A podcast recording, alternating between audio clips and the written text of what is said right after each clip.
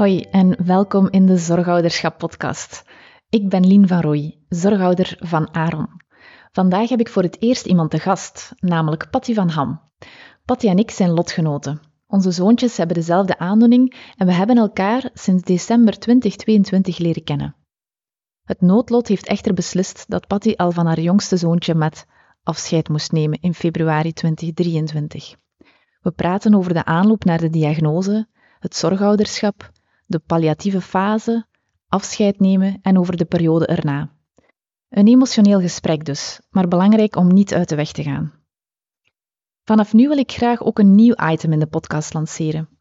Voor wie mijn Instagram-profiel Zachte Kracht Zorgouder volgt, weet dat ik ook gedichten schrijf. Ik wil dus het beste van die twee werelden mixen door een gedicht te brengen over de inhoud van de aflevering. Het gedicht van deze aflevering heet Vergeet hem niet. Vergeet hem niet, ook al is hij niet meer hier. Gaat het leven weer door en zoekt ieder zijn eigen manier. Vergeet hem niet, want de pijn is nog zo sterk, overlevend in verdriet, ook al ben ik weer aan het werk. Vergeet hem niet, laat me vertellen over hem. Noem zijn naam zoals voorheen, praat niet met een rem. Vergeet hem niet, hij is geen hoofdstuk afgesloten. Hij leeft in herinnering, samen van zoveel liefde Dag Patty, welkom in de Zorgouderschap podcast. Uh, ik ben eigenlijk al heel blij om jou in levende lijven te mogen ontmoeten vandaag, want wij hebben elkaar een tijdje terug leren kennen. Eerst uh, online, hè. in december heb ik de diagnose gekregen van Aaron en dan ben ik op zoek gegaan naar uh, lotgenoten. En dan heb ik jou leren kennen um, via de groep, denk ik, de Facebookgroep. Ja. En we hebben dan eigenlijk heel veel contact gehad via chatberichten hè, over onze zoontjes. Nu, is het misschien goed om helemaal naar het allereerste begin te gaan en gewoon eventjes te vertrekken van jullie gezinssituatie. Jullie hadden drie zonen voor Met geboren werd. Hè. Hoe combineerden jullie toen gezin en werk? Ja, dat ging eigenlijk, uh, eigenlijk gewoon goed. Uh, we werkten allebei, we hebben allebei een eigen zaak. En we hadden opvang voor de kinderen uh, op dagen dat we werkten. In combinatie met oppasfamilie die uh, wel eens oppaste. Dus ja, dat, dat ging gewoon prima. Dat liep eigenlijk wel. Het was druk. Maar goed, als je ja, gewoon goede oplossingen zoekt, zeg maar, dan, ja, dan gaat het gewoon uh, vanzelf eigenlijk. Ja. Wat was dan voor jullie het moment um, dat jullie beslisten om voor een vierde kindje te gaan? Nou, dat is eigenlijk uh, van de tweede naar de derde hebben wij jaren gedaan. Uh, we wilden het heel graag, maar uh, eigenlijk voor de angst hè, dat, dat, dat je misschien eventueel geen gezond kindje zou krijgen. Of de drukte, ehm, hebben we het heel lang uitgesteld. Ook de oudste twee zitten heel kort op elkaar. Hebben heel veel ruzie gemaakt toen ze klein waren. Dat we iets hadden van, oh, nu nog niet, nu nog niet. Maar goed, toen zijn we voor de derde gegaan en dat ging vanzelf. Die ging zo lekker met de flow mee, uh, dat we eigenlijk ja, kort na zijn geboorte eigenlijk al zoiets hadden van... Ja, weet je, een vierde past er eigenlijk ook nog wel bij. Het is voor hem ook heel leuk om nog een, uh, ja, een leeftijdsgenootje toch uh, te hebben. En uh, toen gingen we voor de vierde. Oké. Okay. Ja. Hoe verliep de zwangerschap? Uh, die verliep eigenlijk heel goed, zoals al mijn zwangerschappen. Ik heb eigenlijk nergens last van gehad. Uh, buiten wat bekkenpijn heb ik bij allemaal wel gehad. En uh, ja, dat zwanger zijn niet mijn favoriete ding is. maar nee, lichamelijk eigenlijk, eigenlijk ging het wel oké. Okay. En tijdens de controles was er al iets zichtbaar van mogelijke problemen bij Met? Nee, alles was goed. Het zou gewoon een gezond kereltje worden.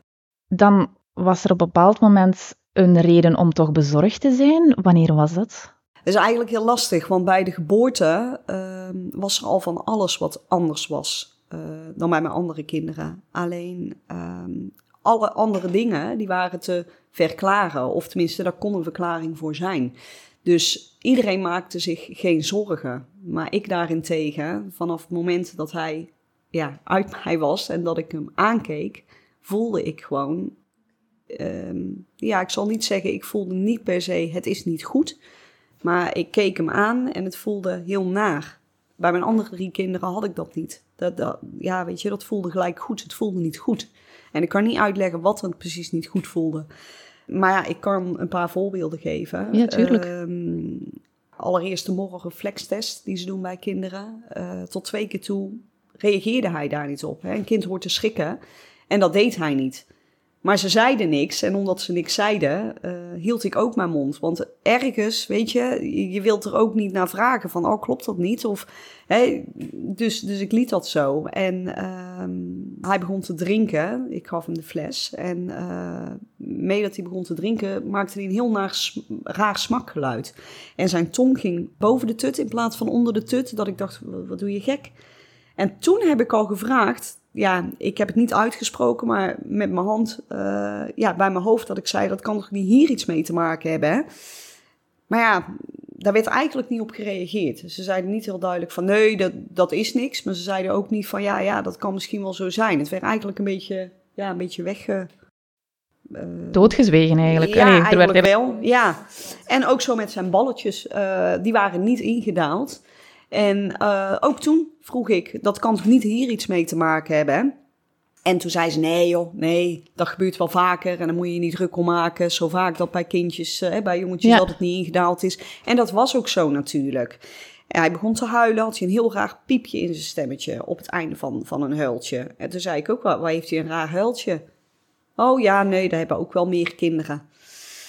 En zo waren er eigenlijk heel veel van die dingetjes die voor mij heel raar waren, maar ja, die eigenlijk niet per se iets hoefden te zeggen. Maar jouw moedergevoel was eigenlijk toch wel van in het begin heel sterk juist. Ja. En dan is het wel heel jammer dat de zorgverleners daar toch eigenlijk weinig aandacht of, of weinig in meegaan. En ja, dat klopt. eerder geruststellend willen spreken. Ook wel ergens te begrijpen, denk ik. Hè, maar... Ik heb me heel alleen gevoeld in de eerste vier maanden. Ja, ja, ik heb echt uh, meerdere keren bij uh, het bureau dat ik langs ging, dat ik belde en dat ik zei: mag ik alsjeblieft even komen? Want ik maak me zo'n zorgen. Hij lacht nog niet. Hij uh, kijkt me niet echt aan. Hij pakt niks. Hij stopt zijn handjes niet in zijn mond. En dan kwam ik daar en ehm, dan lag hij. En dan zei ik: van ja, kijk dan, dan knipte ik met mijn vingers. Uh, om hem hè, te laten reageren. Maar dan reageerde hij niet. En dan keek hij een bepaalde kant op. En dan zei ze tegen mij: Ja, maar Patty, kijk nou toch eens. Hij ziet hier van alles om zich heen. Logisch dat hij je niet aankijkt. Hij ziet van alles. En dan was ik weer even gerustgesteld. Maar ja, zodra dat ik hem dan bijvoorbeeld op bed had gelegd en ik was dan gerustgesteld daar, uh, het moment dat ik hem daarna weer uit bed ging halen en ik zag met weer, had ik weer dat gevoel. Iedere keer als ik met zag, had ik een nagevoel. Ik, ik kan het niet uitleggen. Ja constant. En dat ik tegen mijn man Bram, dat ik uh, zo vaak heb gezegd: Wat als er nou toch iets mis is, Bram? En dan zei hij: Ja, nee joh, nee joh, maak je niet druk. Daar is niks. De, nee, er is niks aan de hand. Maar goed, toen zei ik op een gegeven moment ook: Ja, maar wat als die nu echt gehandicapt is? Wat als hij echt in een rolstoel komt te zitten, echt niks kan en echt zwaar gehandicapt is? Ja, dan werd hij boos en dan zei hij dat ik weer normaal moest doen. En ja, dat was eigenlijk een herhaling. Ik had dat echt ja, wel meerdere keren per week dat ik dat aan hem vroeg. En op het bureau dat ik ze belde. En uh, ja, toen zeiden ze op het bureau ook, misschien moet je eens met iemand gaan praten. Want ja, als we, uh, we allemaal zeggen dat er eigenlijk niks aan de hand is, moet je misschien toch eens eventjes met iemand gaan praten. Dus het lag eerder bij jou als een overbezorgdheid? Ja, ja, ja. ja. En uh, het stukje hemangioom, want hij had natuurlijk ook een hele grote aardbeienvlek toen hij uh, geboren werd, die heel snel groeide. Hebben ze natuurlijk ook in Rotterdam onderzocht. En toen is er al een MRI van zijn hersenen gemaakt. En die MRI die liet niet zien. Hij had gezonde hersenen, zei de MRI.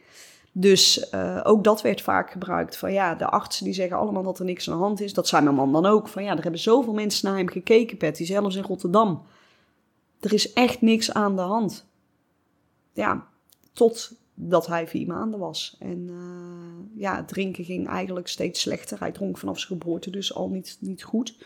Na een week um, stopte hij eigenlijk met drinken. Kregen we de fles niet verder opgehoogd. Hij bleef eigenlijk op 90, weet ik nog goed, op 90 milliliter bleef hij hangen. Uh, en ik kreeg gewoon niet meer in. En dan wilde hij niet drinken. En dan dacht ik, nou, dan zal hij de volgende fles zal hij het wel willen. Nee hoor, dan, uh, dan dronk hij hem ook weer niet leeg. En we hebben echt alles geprobeerd met dat drinken. Gek genoeg bleef met gewoon goed aankomen. Hij zag er echt uit als een hele gezonde, volle baby. Hij had ook echt spek, hij was echt, echt vol. Maar ja, achteraf, hij bewoog heel weinig. Ja, die verbrandde ook gewoon, uh, verbruikte daar gewoon eigenlijk ook, uh, ook niets. En eh, toen met vier maanden, ja, bleven we eigenlijk ja, aanmodderen met, met de voeding. En had ik ook weer contact gehad met de arts, met de logopedist ook in Rotterdam. Ja, dat ging, ging zomaar door tot op een gegeven moment ik s'avonds uh, hem de voeding wou geven en dat hij koorts had. En toen wilde hij niks drinken. Dus toen heb ik ja, toch Rotterdam gebeld. Ik wist niet zo goed of dat ik nou uh, ons ziekenhuis moest bellen of Rotterdam. Dus ik heb Rotterdam gebeld van wat, wat, wat moet ik nu? Want hij drinkt niet. En hij heeft koorts. Ja, kom dan toch maar. En het was precies in de coronaperiode. Dus uh, toen ben ik daar naartoe gegaan. En uh, ja, hij bleek toevallig corona te hebben. ja, was dat absoluut niet de reden van opname. Maar goed, hebben ze hem wel opgenomen. Want ze zouden hem toch neurologisch gaan onderzoeken. Ik vergeet nu eigenlijk een deel te vertellen. Met vier maanden moest ik eerst op controle voor dat hemangioom. Uh, toen kwam ik bij de arts en uh, ik loop binnen en die arts die kijkt hem aan en die zegt... hey Bolle, hoe is het voor de grap? Omdat hij er zo goed uitzag. Maar ja, ik was natuurlijk helemaal wanhopig, dus ik begin te huilen. Dus hij zegt, wat is er? Ik zeg, ja, ik zeg, hij doet niks. Nou ja, toen pakte hij met op en toen zag ik wel aan de arts... Um, ja, dat hij ook wel zag dat het echt niet klopte. Dus toen heeft hij gezegd, we gaan een neurologisch onderzoek uh, inzetten. En dan zouden we binnen zes weken een oproep krijgen. Toen werd Matt na twee weken ziek, over, waarover ik vertelde. En kwamen we dus toen al in het ziekenhuis terecht. De volgende dag gingen ze hem onderzoeken. En ik weet het nog goed, de neuroloog die uh, ging zijn reflexen testen. En ze ging ook kijken hoe goed dat hij volgde met zijn ogen. En toen zei ik, ja, maar hij volgt toch wel? Toen zei ze, ja, hij volgt wel, maar wel vertraagd ja, toen tikte ze op zijn ellebogen, denk ik, en op zijn knieën en zijn benen uh, bewogen. Dus ik dacht, oh goed, hè, die reflexen werken.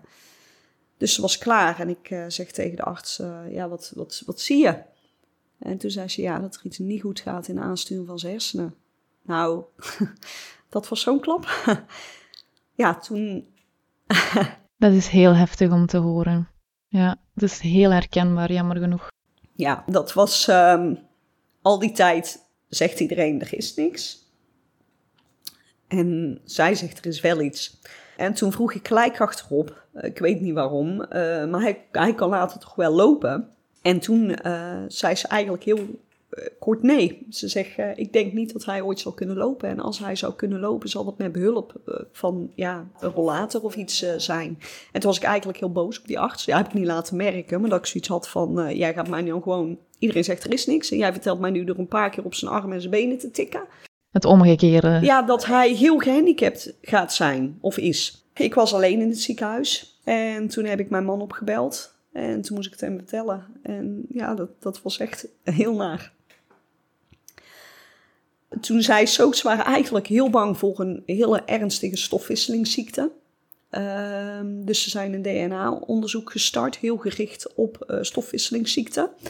Uh, hadden we na drie dagen al de uitslag van dat dat het niet was. Mm -hmm. En um, toen hebben ze ja, een onderzoek gestart uh, waar we binnen drie weken de uitslag van kregen. Uh, met was na een week na alle onderzoeken, want hij heeft ook, heeft hij ook een EEG gehad. Ehm, ik, ik, weet het niet eens allemaal meer. Maar toen zijn we naar huis gegaan, want hij was ook opgeknapt. En uh, toen na drie weken, uh, ik heb kapsalon. Ik moest naar mijn klant toe. Die uh, zat inmiddels al in de salon bij mijn collega. En ik kreeg telefoon, Rotterdam. En ik neem op en ze zegt, ben je alleen? Is er bij je? Kun je even gaan zitten? Ik zeg, ja, zeg het maar gewoon. Ik zeg, want ik weet dat het niet goed is. Ze zegt, nee, het is heel ernstig. Ja, en toen zei ze, hij heeft de ziekte PCA1B. Je hebt dat via de telefoon vernomen. Ja, we hebben, we hebben bewust voor gekozen uh, om dat zo te doen. Omdat ik, ja, weet je, als, als ze het weten, dan wil ik het ook weten. En mee dat zij mij dat vertelde, ben ik al gaan googlen.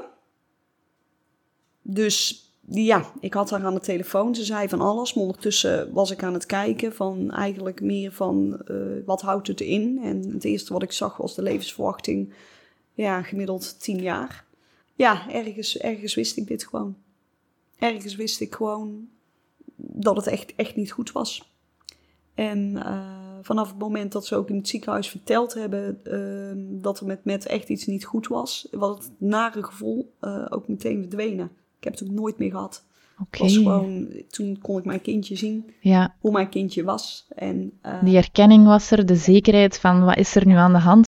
Ja, Ik was eerst was ik hem constant aan het screenen. Constant kijken, volg jij wel, doe je dit, doe je dat. Dat was weg, dat was klaar, hoefde niet. Dus de band uh, tussen ons is toen wel veel sterker geworden. Dan, dan begint het, hè? Dan uh, de onzekerheid. Wat, wat, wat gaat het zijn? Wat gaat het doen? En toen zei ze ook wel gelijk aan de telefoon. Uh, ze was er eigenlijk heel vaag en heel met een omweg. Maar het kwam er eigenlijk op neer uh, dat ze met heel slecht vonden in zijn ziekte. Eigenlijk de kindjes met de ziekte dat die pas meestal na een jaar, twee jaar, dat je echt dingen gaat merken van het, het klopt niet. En uh, ja, bij Met ging het gewoon veel sneller. Hè. Inmiddels uh, waren zijn bewegingen ook al een stuk minder. Ja, dat ze toch wel verder gingen kijken. Ja, want dat herinner ik mij ook nog. Hè. We hebben elkaar toen leren kennen, ja. uh, ergens in december. En dan herinner ik me nog dat wij zo naar elkaar filmpjes van onze zoontjes hadden, hadden doorgestuurd. En dat dat toch echt wel gelijk een heel ander beeld was. Hè? Aaron, die, die beweegt en uh, met zijn beentjes shot, ja. um, die rolt en, en, en, uh, ja. en maakt veel geluiden. Ja. Maar als ik dan met zag, dan was dat eigenlijk uh, ja, een kindje dat eigenlijk heel stil lag en, en gewoon zijn hoofdje een beetje, soms wat tongbewegingen. En dat was het zo'n beetje toen, denk ik. Klopt dat? Ja, klopt. Hij, uh, toen hij geboren is, bewoog hij zijn armen nog wel boven zijn lichaam. Uh, nooit gericht hoor. Hij heeft nooit gericht uh, zijn handjes in zijn mond gestopt of iets, iets proberen te pakken. Maar hij bewoog echt nog wel. En ja, toen wij met vier maanden in het ziekenhuis kwamen, toen was dat echt al een stuk minder. Was hij echt al een stuk minder in zijn bewegingen. En dat is eigenlijk ja, steeds minder geworden.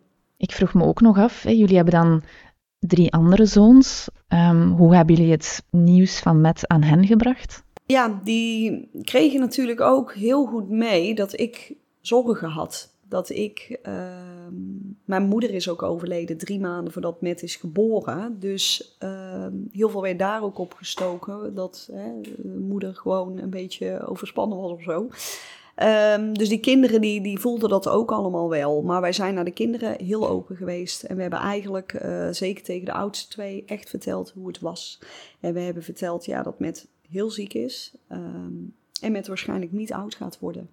Maar dat wij niet weten of dat dat twee jaar is of dat dat tien jaar is. En tegen die van vier, uh, ja tenminste toen was hij natuurlijk uh, nog geen drie daar vertel je het eigenlijk niet echt tegen op zo'n moment. Want wat moet je vertellen?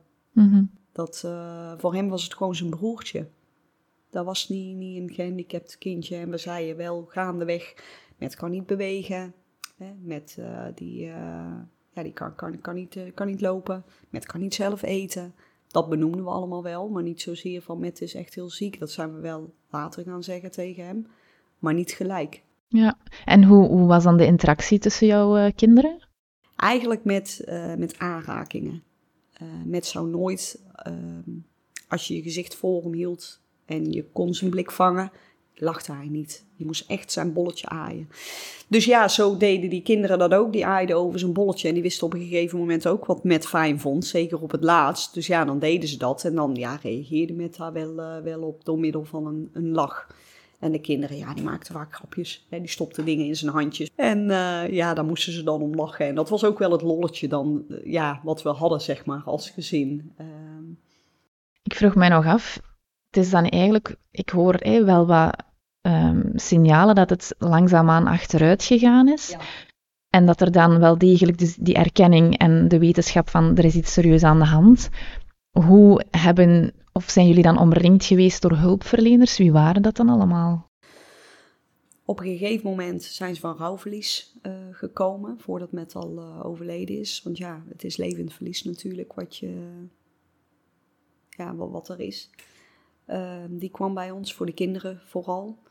Ik had maatschappelijk werk vanuit het ziekenhuis, daar had ik contact mee van Stichting Mee, geloof ik, in Nederland is dat. Uh, was ook iemand, uh, die heeft het wel overgedragen toen aan het maatschappelijk werk in het ziekenhuis.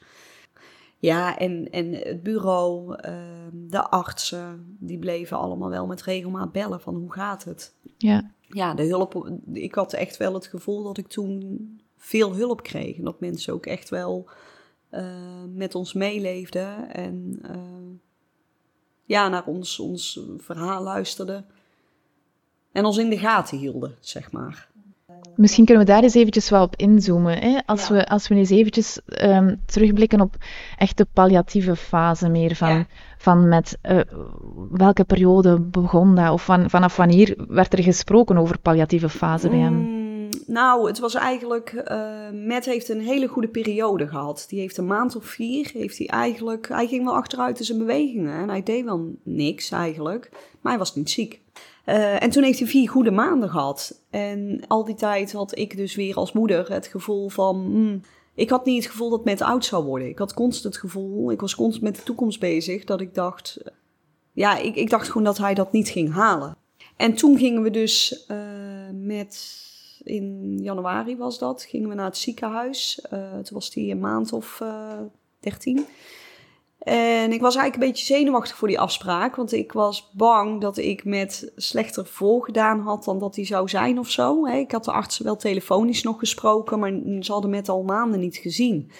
Dus wij zitten bij de neuroloog en bij de kinderarts die gespecialiseerd is in zeldzame aandoeningen. En uh, ik ben het verhaal aan het vertellen en ik zie er de hele tijd wel naar met kijken. En op een gegeven moment zegt ze tegen mij, ze zegt, ja, sorry, zegt ze. Ze zegt, maar ik ben nu hem zo'n twintig minuten aan het observeren. Ze zegt, maar als dit mijn kindje zou zijn, dan zou ik hier heel ongelukkig van worden. Want dit is niet goed hoe met erbij zit nu. Hij lijdt gewoon echt op deze manier. Toen had ik zoiets van, hè, uh, ja, dat was eigenlijk ook, uh, ik schrok daarvan. Hm. Want ik zag ook wel dat met niet helemaal lekker in zijn vel zat. Maar het ging eigenlijk weer een, een week wat beter. Zijn medicatie was iets aan veranderd en het, het ging eigenlijk wel weer redelijk, dacht ik. En toen zei ik, ja, wat, wat, wat zie je dan? Waaraan zie je dat? En toen zei ze, ja, ze zegt, hij uh, fronst heel veel. Ze zegt, uh, zijn buik wordt iedere keer hard, die spant hij iedere keer aan. Um, en als hij hoest, uh, hij maakt op het laatst eigenlijk geen geluid meer bij zijn hoest. Dus hij kon gewoon er niet... Eigenlijk niet krachtig genoeg. ja, ja, ja heeft hij nooit heel krachtig gedaan. Dat zei ze ook, ze zegt, ik snap eigenlijk niet zo goed dat hij uh, nog niet eerder ja, ziek is geworden. Geen longontsteking of iets heeft gehad. Maar goed, uh, dus dat, dat zei ze. En toen zei ze van, uh, ja, we gaan wel iets aan de medicatie doen, want dit, dit kan zo niet. Maar de medicatie die hij kreeg, daar konden ze eigenlijk weinig meer mee. De medicatie tegen het spugen, um, het enige wat ze nog konden was de medicatie neurologisch gezien ophogen. Ze zegt, je hebt kans als we de gabapentine, was dat, voor de epilepsie, ophogen. Ze zei um, ja, dat hij dan lichamelijk daar ook weer beter op doet. Ik weet niet of ik het helemaal goed vertel, maar in ieder geval dat het eh, iets met zijn hersenen zou het rustiger maken, waardoor dat het in zijn buik hè, dus uh, ook wat rustiger zou worden. Want je zag hem ook heel vaak kokhalzen. Um, ze zegt, dat kunnen we proberen. Ik zei, nou, dat is goed. Ze zegt, uh, dan gaan we hem gewoon ophogen, langzaam, en kijken wat het doet. Nou, dat is goed. En uh, toen zei ik, ja, ik zeg, en als dit niet werkt, ik zeg, wat dan? Ze zei, ja, dan is eigenlijk de trucendoos een beetje op. Ze zegt, natuurlijk kunnen we hem nog zeker meer medicatie gaan geven om hem comfortabel te maken, want er zijn nog heel veel medicaties.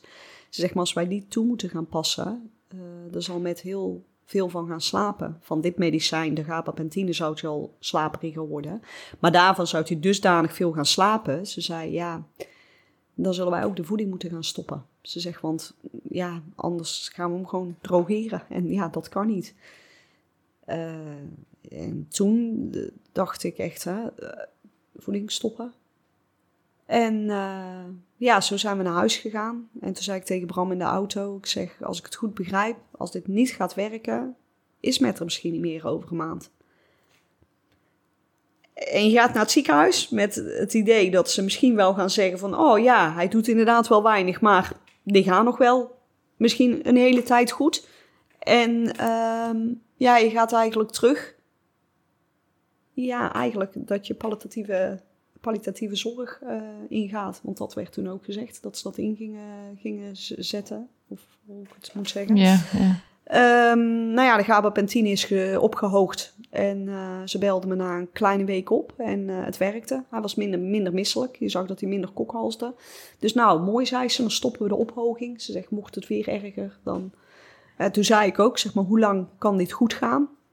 Ze zei, ja, ik denk dat je in maanden moet denken. Niet, niet langer. Oké, en nog in twee dagen later uh, ja, werd hij weer misselijker. En uh, ik had de midazolam, want daar hadden ze het dan over dat we die moesten gaan geven. Die had ik al in, uh, in huis. Hadden ze al gezegd, haal die maar in huis vanuit het comfortteam. Van zorg maar dat je het in huis hebt, want ja, als hij echt zo misselijk is, dat mag niet. Ja, de voeding die uh, hadden we al even stop moeten zetten. Niet blijvend, maar gewoon om even zijn maag wat rust te geven. Want we hadden eigenlijk de hoop als je even wat rustiger doet, hè, even wat medicijnen geeft, dat hij even... Op zijn plooi komt. Ja, en dan misschien weer, ja, dat het weer gaat. Uh, maar dat ging eigenlijk niet. En het ging eigenlijk steeds slechter. Op een gegeven moment hebben ze hem ORS gegeven. En die ORS deed het heel goed. Toen heeft hij echt een goede dag gehad. Heeft hij echt nog gelachen. En toen had ik ook nog een beetje hoop van, nou, dit is het dan misschien wel. Ik zal eventjes kort uitleggen voor de luisteraars die ORS niet kennen. Dat is een soort van zoutoplossing ja. dat mensen krijgen voor mineralen. Ja, en, mineralen, ja, klopt. Maar de volgende dag, uh, ja, die ORS verder, toen zeiden ze van begin maar weer voorzichtig met de voeding, want hij had een pechzonde. Um, en toen hebben we die voeding opgestart, ja, en binnen een paar uur werd hij weer misselijk. En daar heb ik heel veel filmpjes van gemaakt, heel veel. Uh, constant wilde ik de bevestiging van het comfortteam of ik het goed zag. Want voor mijn gevoel lag het alleen in mijn handen. Een gigantische verantwoordelijkheid dat ja. je voelde. Ja, en uh, toen heb ik de arts uh, gesproken en ik moest werken die week. En ik wist natuurlijk niet hoe lang, welke kant. ik heb een eigen zaak, weet je, ten alle tijden ging met voor. Maar zou dit nog, hoe lang zou dit nog duren? Ik vond het heel lastig. En toen zei de arts, ik, als ik op jouw stoel zat, zei ze, zou ik mijn klanten afzeggen en met met in de bank gaan zitten. En dat heb ik gedaan. Ja, en daar ben ik wel heel blij om. Ik heb... Um, ja, twee dagen met hem in de bank gezeten. En ja, zodra dat ik zag dat het niet goed ging, medicijnen bijgegeven. En dan viel hij weer in slaap. Maar ja, dan had hij geen pijn. En uh, donderdag zouden ze van het comfortteam aan huis komen. En zouden ze hem eigenlijk uh, komen, komen checken. ja, om te kijken hoe, hoe dat hij erbij lag, zeg maar. Maar toen woensdag belde ze me en toen uh, zei ze van ja Patty, eigenlijk geeft met zijn lichaam het heel goed zelf aan. Het is gewoon, uh, het is op, het is klaar. Ja. En toen zei ik van ja, maar kunnen we dan niet uh, alsnog de voeding gewoon flink ophogen en proberen het hem gewoon te geven. En misschien dat dan zijn maag weer helemaal vol, dat het weer gaat. En of, toen, toen raakte ik eigenlijk in paniek, want ik dacht ja, ho, stop. En toen zei ze, ik snap je en ik hoor je. Ze zegt, je mag de voeding nog voorzichtig proberen op te hogen. Ik snap dat je dat, dat wil proberen. Ze zegt, maar ik denk dat het, uh, ja, dat het geen nut heeft. Maar goed, ik toch geprobeerd, ja. Dus um, ja, daar ben ik gelijk mee gestopt, want hij werd gelijk echt misselijk. En uh, toen donderdag kwamen ze van het comfortteam, kwamen ze van ehm, de thuiszorg, die kwam ook. En ze kwam binnen en ze ziet hem liggen en ze zegt, ja nee, nu weet ik het zeker. Ze zegt, dit kan echt niet meer. Zet de pomp maar uit. toen hebben we hem uitgezet. En uh, ja, toen hebben ze medicatie bijgegeven. En hebben ze, hebben ze hem uh, een slangetje in zijn benen gegeven, voor de midazolam te geven, want die gaf ik in zijn wangzak. Maar uh, ja, het was makkelijker natuurlijk via, uh, via een slangetje. hij heeft al zoveel meegemaakt. En ons gevoel gewoon eigenlijk geen kwaliteit van leven gehad. Dan moet dit ook nog op deze manier. En daar heb ik het, zoals je hoort, nog steeds heel moeilijk mee. Dat ze. We weten welke uitkomst het gaat hebben. Met gaat overlijden. En dan vertellen ze: het kan tot twee weken duren. En ik begrijp het. Ik snap het echt wel dat je niet zomaar kunt zeggen van nou, we geven iemand een spuit en het is klaar. Maar bij met zou het sowieso klaar zijn. Moet je dan dit een kind, uh, de ouders, het gezin nog aan gaan doen? Het is niet alleen voor met, want ze zeiden met uh, gaan we zo comfortabel mogelijk maken. Dat hij niet lijdt, dat hij geen last heeft. Maar mijn kinderen zien het ook aan. Wij zien het ook aan. Ik was zo bang dat met wel nog twee weken zou leven. Uh, dat hij zou vermageren. Dat, dat ik dat mannetje zou zien liggen. En, ehm, Echt een hele leidersweg, een aftakelweg. ja, ja. daar, zou, daar was ik heel bang voor. En eh, toen ze mm, die medicatie aansloten, hè, dan, dan, dan gaan ze dat iedere keer ophogen. Ze gaan kijken hoe dat hij eh, erop reageert. Ja, weet je, eh, hij sliep, maar soms kwam er ook wel geluid. En dan zeiden ze, ja, maar dit is acceptabel. Ja, dat, ik, ik ben het daar niet mee eens. Jij weet niet of dat acceptabel is, want jij ligt daar niet en jij voelt niet wat hij voelt. Hij maakt geluid, hij kreunt.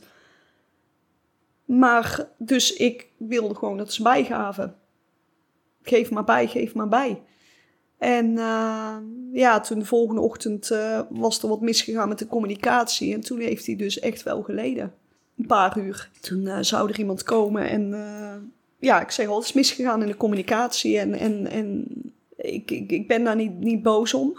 Um, want ik weet dat ze het heel erg vonden dat het mis was gegaan. Maar ja, hij heeft dus wel geleden. En dat bedoel ik met waarom moet het op deze manier? Ja. En nu uh, hebben ze het erover, over euthanasie bij kindjes, hè, dat dat uh, wel gaat mogen. Ik heb toevallig de arts nog gesproken, of niet de arts, uh, het comfortteam. En zij zei, maar zelfs voor met nu, hoe met was, zou het niet van toepassing zijn geweest. Ja, ik, ik kan daar niet bij. Ik, ik snap het eigenlijk niet. De huisarts is geweest ook nog, de dag uh, daarna, s'avonds. En uh, ik was heel boos. Ik heb daar ook tegen verteld van ja, ik, ik, vind, ik vind dit niet normaal. Tegen de thuiszorg, tegen iedereen die bij met kwam kijken, afscheid kwam nemen. Die gaf ook aan, ze zegt ik denk niet dat met nog twee weken leeft. Maar ik denk ook niet dat met vannacht overlijdt. Want dat was ook iets, weet je. Wanneer gaat hij overlijden? Uh, hij lag niet aan een monitor of iets gesloten. Dus ehm, ik wil wel bij dat moment zijn. Maar ik kan geen in het ergste geval twee weken wakker blijven. Dus ze zouden komen waken. Ja, s'avonds, uh, nadat de arts was geweest, nog geen uur later, zitten we in de bank. En Bram die heeft met vast. En ik ben mijn verhaal weer aan het vertellen van de laatste weken. En ik zit tegenover Bram en ik ben het aan het vertellen. En ik zie dat hij, ik zie, constateer eigenlijk dat met heel wit is. En ik zie het en ik kijk weg en ik kijk terug en ineens, ja, ik besef het me. Hij is overleden. Maar ik weet dat de kindjes uh, hebben geroepen, we willen heel graag bij met zijn overlijden zijn. Toen heb ik al gezegd, de oudste dan hoor, de jongste niet. Heb ik al gezegd, jongens, dat is een moment. Ik weet niet of we daarbij gaan zijn. Uh, maar voor de kinderen heb ik toen mijn mond gehouden. Heb ik ze heel gauw geroepen. Heb ik gezegd, jongens, kom eens. Ze zaten op de bank. Ik zeg, kom eens heel snel, kom eens heel snel.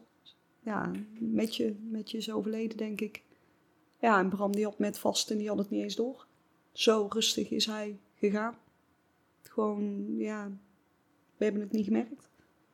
En daar ben ik wel heel, heel blij om. Dat we met eigen ogen eigenlijk gezien hebben dat het heel rustig gegaan is. Echt thuis in de veilige haven. In, in Bram zijn armen. Want dat heb ik ook gezegd. Ik, ik, ik hoop dat hij, maakt niet uit, bij, mij, bij Bram, bij mij, uh, dat hij, hij overlijdt en niet alleen in zijn bed. Of dat ze uh, aan het waken zijn en dat ze ons wakker moeten maken van jullie zoontje is overleden. Hè, het is rustig gegaan. Dat, dat zou ik nooit, weet je, dat, dat kunnen ze zeggen. Maar als je het niet zelf gezien hebt, daar was ik wel, ja, toch wel heel blij om.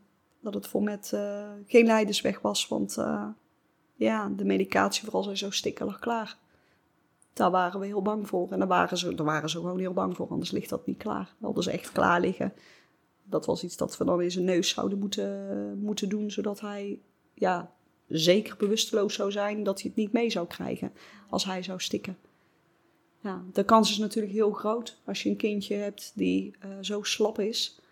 Um, als je alleen maar gaat liggen, ja, dat slijm en alles. Dus ja, dat, dat was echt wel mijn angst. Maar heel heftig om, uh, denk ik, als je dat vertelt, allemaal terug uh, ja. boven te halen. En ik voel zo hard ja. de emotie um, ja. Ja. en uw hele verhaal. Het is echt heel heftig. Want dan komt er toch een hele donkere, overspoelende periode daarna. Hoe hebben jullie dat beleefd? Er uh, was zeker een hele donkere periode. Er was ook rust. Um, rust in de zin van uh, de angst die we hadden, wat de toekomst zou brengen, die was weg. Eh, de angst dat hij zou moeten gaan, dat was mijn grootste angst, dat hij zou gaan lijden. Dat hij ehm, heel veel ongemak in zijn leven zou krijgen. Dat zou ik echt, dat vond ik het allerergst. Niet de zorg voor met. Weet je, die zorg, ik zeg dat lukt ons. Dat, dat, we vinden een weg, komt goed. Maar dat hij zou gaan lijden. En dat vond ik voor hem heel fijn. Uh, ja, dat dat niet, uh, niet zo was. Dat is ook wat de artsen gezegd hebben, eigenlijk al een half jaar voor zijn overlijden. Dat, dat leed gaat hem bespaard blijven. Um, ja, ik snap dat dat voor jou heel, heel moeilijk is. Um, maar zeker was er een donkere wolkje. Je verliest je kind. En uh, de jongens verliezen hun broertje. En hoe, hoe ga je dat doen? Het, het, was een hele, hele uh, onwerkelijke week. Ik, uh, ik was geblokkeerd. Ik was gewoon volledig geblokkeerd. Ik, mijn emotie was weg. Ik heb echt, uh, iedereen stond huilend boven zijn bed en ik, ik, ik stond erbij en keek ernaar. Ik was gewoon helemaal, helemaal wazig. Nee, uh, ja, we hebben hem laten balsemen. Het voordeel daarvan is dat je uh, gewoon een, een, uh, een heel mooi plaatje hebt, zeg maar. Het, anders heb je snelle verkleuringen. Zo, uh, kindje is, of een persoon is dan stijf. Ja. Dat is allemaal niet. Ze waren ook klaar. En, en hebben ze dat thuis gedaan? Ja, ja. ja op zijn kamertje. Okay. En dat is wel heel mooi in Nederland trouwens, om te vertellen. vanuit een stichting wordt dat vergoed. Stichting Verliezen ja, zijn ze dat komen doen. En uh, ze waren klaar en uh, ja, pakten hem op. En het was gewoon met. Was heel gek, want ja, met was volledig slap. Dus dat voelde niet raar, buiten dat hij koud aanvoelde. En toen zei ze ook, als je hem lang vasthoudt, wordt hij vanzelf warmer door je eigen lichaamswarmte. Ja. Dus toen hebben we hem ook uh, opgepakt en uh, beneden op tafel gelegd, uh, waar hij altijd lag. Ja, hij lag altijd bij ons in de kussen op tafel. Want ja, hij kon natuurlijk niet bewegen. Mm -hmm. En dan heeft hij een hele dag bij ons gelegen. Maar onze jongste, tenminste, broertje boven hem, ehm, die, ja, die had het er heel moeilijk mee. Die was heel bang dat wij ook gingen overlijden. En die, was, die was helemaal uit zijn doen. Dus s'avonds zeiden wij tegen elkaar met, die moet naar boven. Die moet naar zijn eigen kamer. En uh, toen hebben we hem boven gelegd in zijn eigen bedje. Ja, ook gewoon echt hoe met altijd lag. Hè? Normaal leg je iemand met het hoofd misschien recht. Met lag altijd met zijn hoofd naar de rechterkant. Zo hebben we hem gewoon gelegd. Zo lag met. Ja. En we hebben dat kindje weggelegd. En ineens lag er een peuter. Daar lag geen baby meer. Met was altijd onze baby. En toen met overleden was, zagen we een peutertje. Och. was het geen baby meer. Er was zoveel rust. Ja, die week zijn we gewoon naar hem toegelopen wanneer we wilden, de kinderen ook. Dan was het uh, s ochtends, uh, als ze wakker werden, even naar Met. Ja, en uh, die van vier, die moest toch even kijken of Met nog echt dood was. Iedere dag. Ja. Ja, voor een kind is dat natuurlijk heel moeilijk te bevatten, ja, hè? Ja, ja. ja. Dus jullie hebben al jullie eigen verdriet en dan ook nog eens het verdriet van de kinderen proberen ja. mee op te vangen. Ja, maar ja, die kinderen, mm, die gaan daar ook gewoon heel anders mee om. Want zo zitten ze te huilen bij Met en pakken ze hem vast. En zo gaan ze buiten voetballen. En weet je, dat is prima, want zo zijn kinderen. En daar, uh, ja, daar kunnen wij ook wel gewoon heel goed mee omgaan. Het, snap je? Uh, ja, dat hoort, dus, zo hoort een kind ook te zijn, denk mm -hmm. ik. En waar konden jullie met jullie verdriet heen? Echt bij elkaar. Wij zijn echt een, uh, een sterk team. Altijd geweest. Bram die heeft echt een hele week gehuild. En ik, ik zeg al, ik was gewoon uh, geblokkeerd. Ik, uh, mij kwam dat later pas. Ja, we hebben gewoon heel veel erover gepraat. Zoveel mogelijk nog bij hem geweest.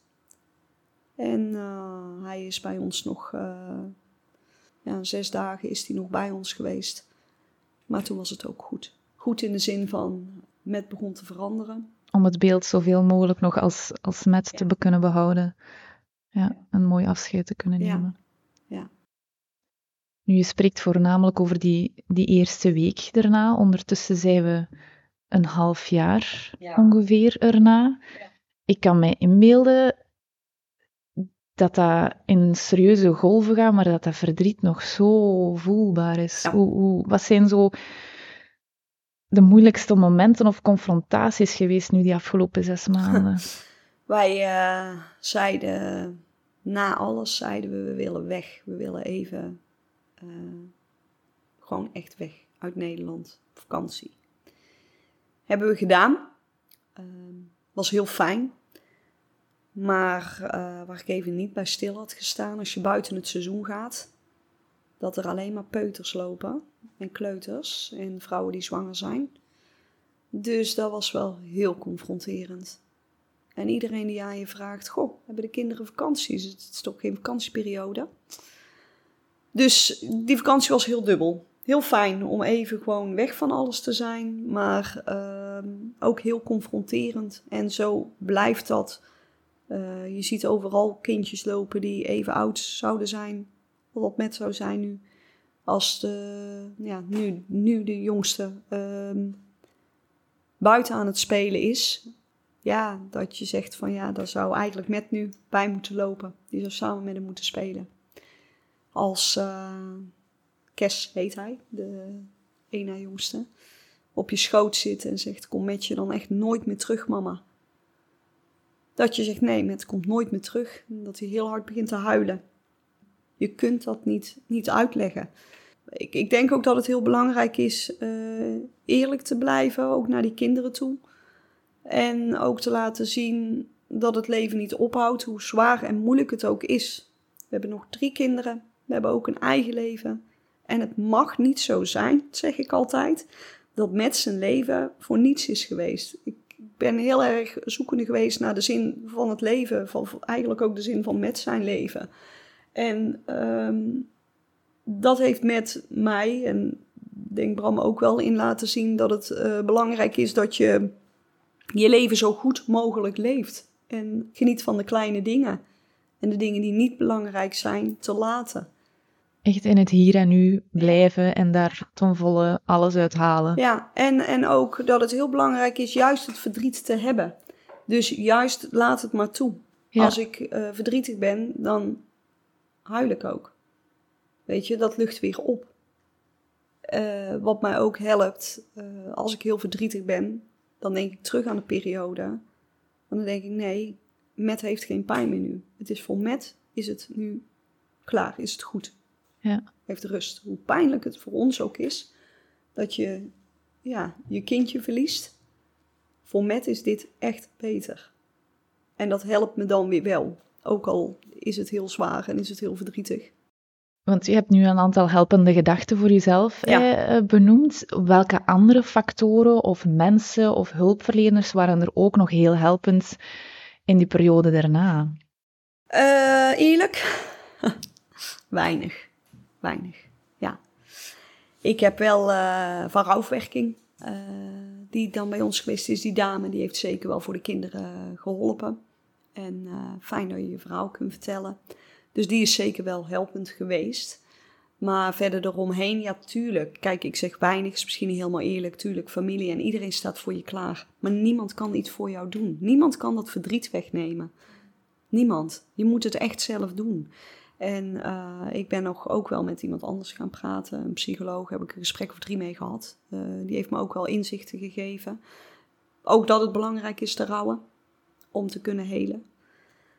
En eh, ja, verder is het heel fijn dat de artsen, ehm, vooral de arts bij ons in de regio, die belt me echt met regelmaat.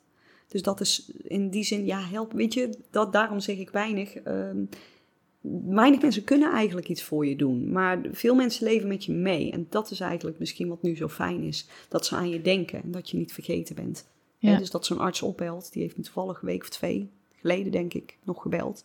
Dat ze belt en vraagt, goh, hoe gaat het met jullie? Maar echt de tijd neemt. Dus niet een gesprekje van vijf minuten. Maar dat je gewoon ja, bijna een half uur met haar eh, ja, erover praat.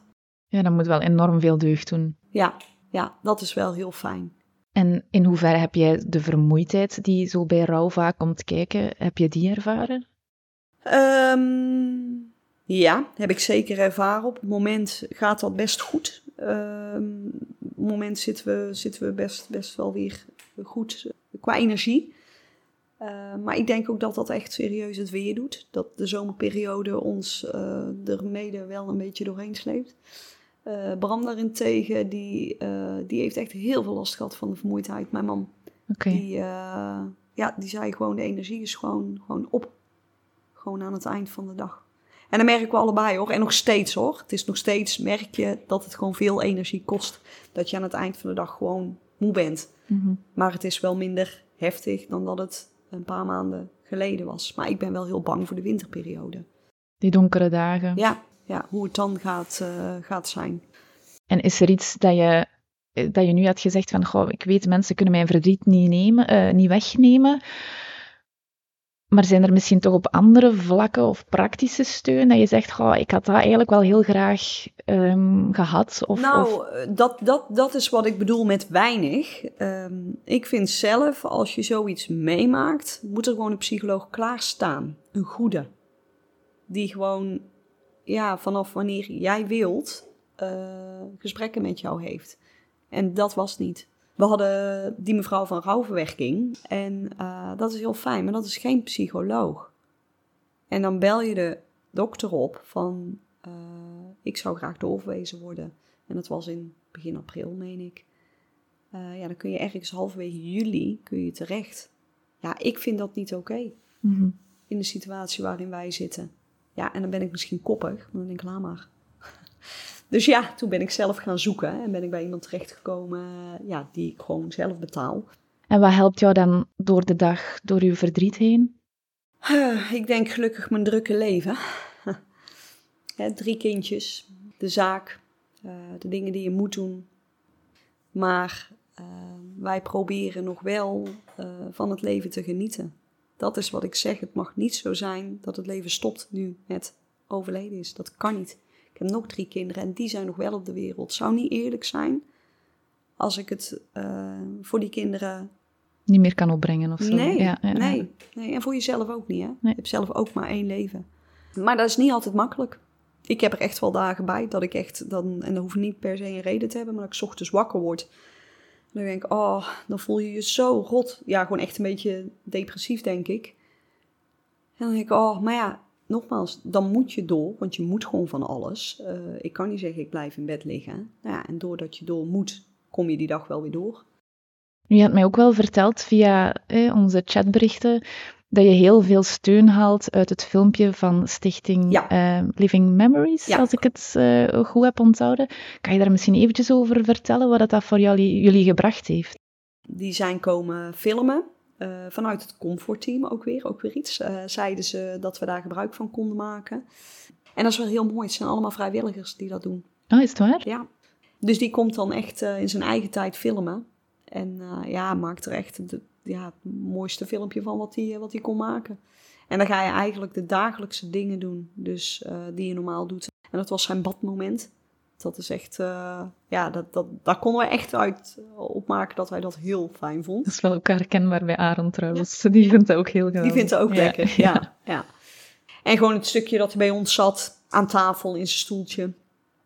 En uh, ja, zo wat andere momenten. Maar het is wat ze zeggen. Het wordt gefilmd. Als je zelf een filmpje maakt, dan... Ja, ik weet niet, dat, dat is anders. Mm -hmm. Dit is inderdaad echt hoe het was. Ja, want je hebt het mij dan nog doorgestuurd en ik was zo ontroerd. Ik vond het zo mooi gefilmd. En de liefde die, die er in het gezin leeft naar met toe, ja. onderling, zo sprekend, zo voelbaar bijna. Ik vond dat ongelooflijk. Dus ik ben heel blij dat jullie dat hebben om, om zeker zoveel keer terug naar te kijken als jullie voelen van... Ik kijk het ook echt vaak. Ja, ik kijk het filmpje echt heel vaak. Het is al een heel uh, emotioneel gesprek geweest. Ik denk dat het misschien goed is om naar de laatste vraag over te gaan, als dat voor ja. jou oké okay is, Patty. En dat is um, of dat jij nog een boodschap hebt naar andere zorgouders, maar ook eventueel naar hulpverleners of omgeving toe. Tips, wat dan ook. Want ik, wij hebben zelf contact met ouders, uh, ook van een kindje die ernstig ziek is. Een heel ander ziektebeeld, maar uh, ook wel iets neurologisch. Uh, wat voor hun heel helpend was, wat ik gezegd heb, uh, leven het hier en nu.